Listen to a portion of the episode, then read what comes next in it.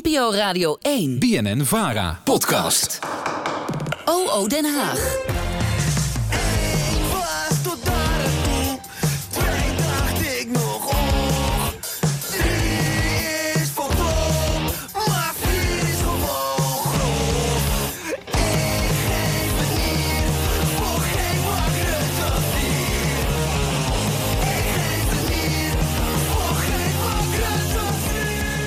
Ja, twee jaar geleden had de band Hang Youth er alles voor over voor geen Rutte 4, zelfs een nier.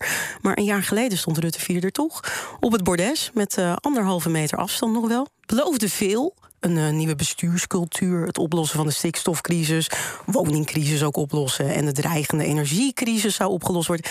Maar is dat een beetje gelukt? Aan tafel zit onze politiek redacteur Anne Plezier. Samen met haar collega Joost Bekendam maakte zij afgelopen jaar een serie over de macht van Mark Rutte. Anna, welkom. Ja, die eh, serie afgelopen jaren die Ja. jullie hebben gemaakt. eh, wat zag je trouwens van de bestuursstijl van eh, Rutte terug?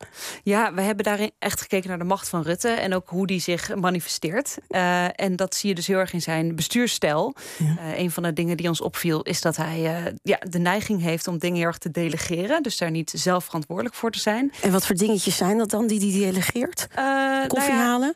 Nou ja, je- er zijn hele grote thema's of Ja. crisis of, of grote onderwerpen die wij als Nederland hebben. Ehm, op het moment dat jij daar een minister verantwoordelijk voor maakt, wat vaak ook zo is, zijn ministers ook vaak verantwoordelijk voor en elke keer zegt van nou ja, kunnen jullie dat oplossen, kunnen jullie daar naar kijken, dan kan je natuurlijk ook lang eh, in het zadel blijven zitten, omdat jij no- nooit echt ergens de baas van bent geweest van een bepaald geen thema. verantwoordelijkheid te Ja, nemen. en eh, we hebben voor die serie over de macht van Mark Rutte... hebben we allerlei mensen gesproken rondom Mark Rutte. Dat zijn eh, vrienden, collega's, eh, maar ook journalisten... die al heel lang met hem werken. Eh, een van die mensen die wij spraken is Petra de Koning van NRC. Die schreef een eh, boek over Mark Rutte en zij zei dit erover. Over Oekraïne kan Rutte zeggen: Ik vind dat het land bij de Europese Unie hoort, bij onze Europese familie. Ook al zijn de procedures lang en moeten die natuurlijk eerlijk worden nagelopen, zoals het ook voor andere landen geldt. Hij kan zeggen: Oekraïne, jullie horen bij ons. Dat is een soort leiderschap dat mensen misschien nu wel heel graag willen horen. Maar Rutte neemt dan niet het voortouw. Maar natuurlijk kan de minister-president dat doen. Die kan de eh, thema's kiezen of belangrijke dossiers en dat naar zich toe trekken en daar zichzelf verantwoordelijk voor maken. Ja, en waar wij dit dus heel erg in terugzagen, eh, was bijvoorbeeld in het stikstofdossier. Dat is natuurlijk een heel groot, hele grote crisis die al jaren speelt. Waarin eigenlijk Rutte daar zelf en zijn kabinet niet helemaal uitkwamen. Dus eh, hij dat weer delegeerde naar Christiane van der Wal, toch? Ja, die was de verantwoordelijk minister. Maar Johan Remkes, die moest het uiteindelijk allemaal gaan oplossen. Ehm, dus die moest eigenlijk de taak van eh, de premier en het kabinet overnemen. om het uiteindelijk op te lossen. Aan de ene kant kan je zeggen dat is logisch, want het is. Was zo'n groot issue Ja. dat het ook helemaal politiek werd. Dat het misschien goed is om iemand van buitenaf erbij te Nou, we betrekken. hoorden Johan Remkes net eh, bij Sven Kokkelman. eh, en, en dat was het dus hard nodig ook Ja. om iemand van buitenaf te hebben. Zeker. Dus in dat opzicht zou je kunnen zeggen, nou, op zich interessant dat je delegeert. Aan de andere kant, Ja. hij, ze hebben dit zelf wel al jaren uit de hand laten lopen. Dus het kon ook niet echt anders meer. Dus de vraag is, had je dat dan als kabinet niet eerder moeten oppakken? Maar dit is een mooi voorbeeld van eh, nou ja, hoe Rutte dus zaken vaak delegeert. Ja, dat deed hij dus met stikstof eh, en andere eh, voorbeelden. Is er ook een voorbeeld waarin hij wel ergens echt zelf voor is gaan staan, verantwoordelijkheid voor heeft genomen? Ja, wat wel opvallend was, is dat hij met de excuses voor het slavernijverleden eh, wel zei: Ik vind het belangrijk, ik ga dat, die excuses aanbieden, ik ga hiervoor staan. Ja. En dat hij dat niet heeft gezegd, nou ja, dat mag een minister oppakken of mag een minister eh, gaan doen. Ehm, hij gaf ook aan in die, in die speech of in die excuses die hij eh, zei: van ik heb zelf die verandering in denken ook persoonlijk doorgemaakt. Ik dacht heel lang, het slavernijverleden is geschiedenis die achter ons ligt, maar ik had het mis. Want eeuwen van onderdrukking en uitbuiting werken door in het hier en nu. In racistische stereotypen, nou, enzovoort, enzovoort. En hij wilde eerst nooit bijvoorbeeld, hij zei over Zwarte Piet discussie, van nou, dat moet de samenleving oplossen. En hierin zegt hij toch, ja, ik, ik vertel ook iets over mijn eigen denken en over hoe ik dat zelf heb doorgemaakt. En vroeger zei Rutte heel erg, de overheid is er alleen voor veiligheid en economie.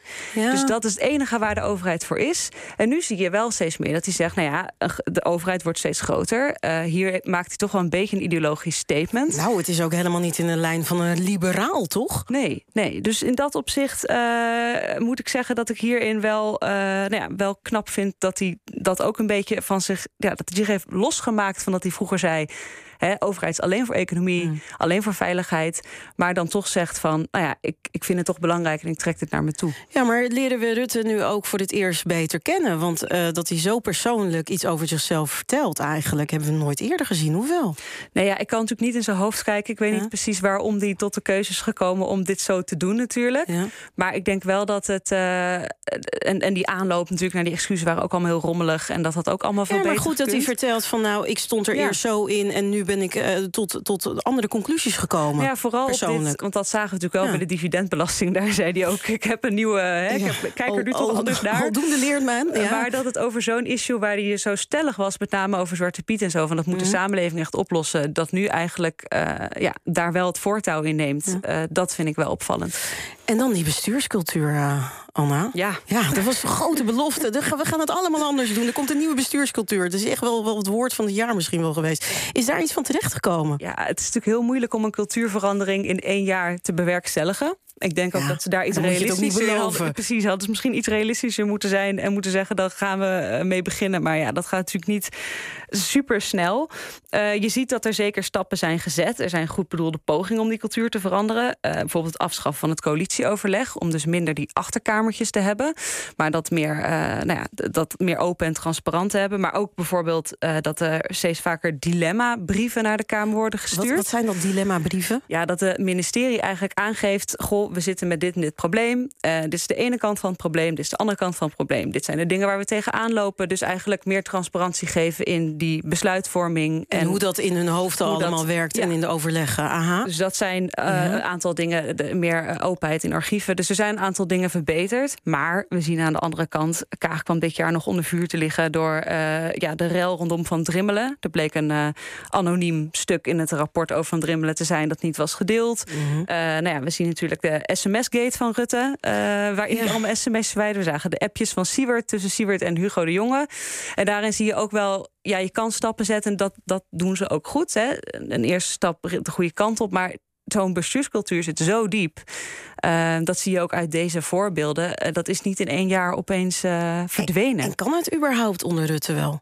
Nou, de vraag is, dat, dat is een goede vraag. En ook, je hebt toch alle ministeries, eh, topambtenaren, de politiek zelf... die er ook nog allemaal achter zit. Dus al wil het kabinet het anders doen... Ze hebben al 13 jaar lang dit gedaan op deze manier. Dus, je kan, ja, dus daarin kan je ook zeggen... ja, misschien beter laat dan nooit.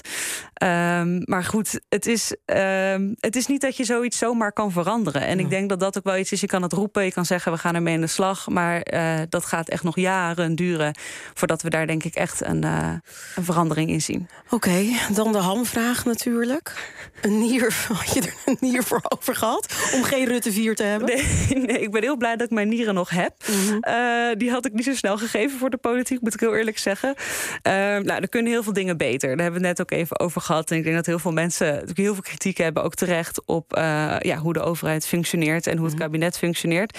Maar ik ben ook wel voorzichtig optimistisch. Dat ik wel denk, er zijn een aantal crisis wel echt opgepakt. Neem de stikstofcrisis, de woningcrisis. Ehm, Hugo de Jonge die wil 900.000 woningen bouwen. Nou, vraag is of dat lukt. Maar wat hij bijvoorbeeld wel voor elkaar heeft gekregen... is een puntsysteem voor de vrije huursector. De huurtoeslag wordt uitgebreid. eh, De jubelton is afgeschaft. Ja. Dus er is in één jaar heeft hij wel best wel concrete stappen gezet... om die crisis op te lossen. Ja, maar we kennen Hugo de Jonge ook als eh, snelle, snelle pas, snel, eh, snel- Ja. grote passen snel thuis, laat ik het zo zeggen. Eh, hoe duurzaam zijn die Nou oplossingen, ja, denk vooral die 900.000 woningen. we hebben ook nog een stikstofcrisis. Maar die andere regels die heeft doorgevoerd... nou goed, dat zijn dan al wel positieve punten... waardoor eh, het beter gaat worden om... ja, je kan een makkelijker goedkoper huren... ook voor de middeninkomens. Ehm, nou ja, ze hebben minister om armoede aan te pakken, minister om het klimaat eh, op de kaart te zetten. Dus er zijn wel echt stappen gezet. Alleen het kabinet moet gewoon durven om echt keuzes te maken. Impopulair zijn ze toch al, zien we in de ja, peilingen. ja, ja. Dus durf ook gewoon soms een keuze te maken en te zeggen: we moeten dit doen. We zitten nou helemaal in een crisis en we gaan aan de slag. Maar misschien is En een niet die jaar hete aardappels heet het door gaan door, schuiven. doorschuiven. En misschien is een jaar wel iets te vroeg om nu al een conclusie te trekken over Rutte Ja. 4. Hoeft Ja, niet. Want ik bedoel, als ik jou nu zo hoor.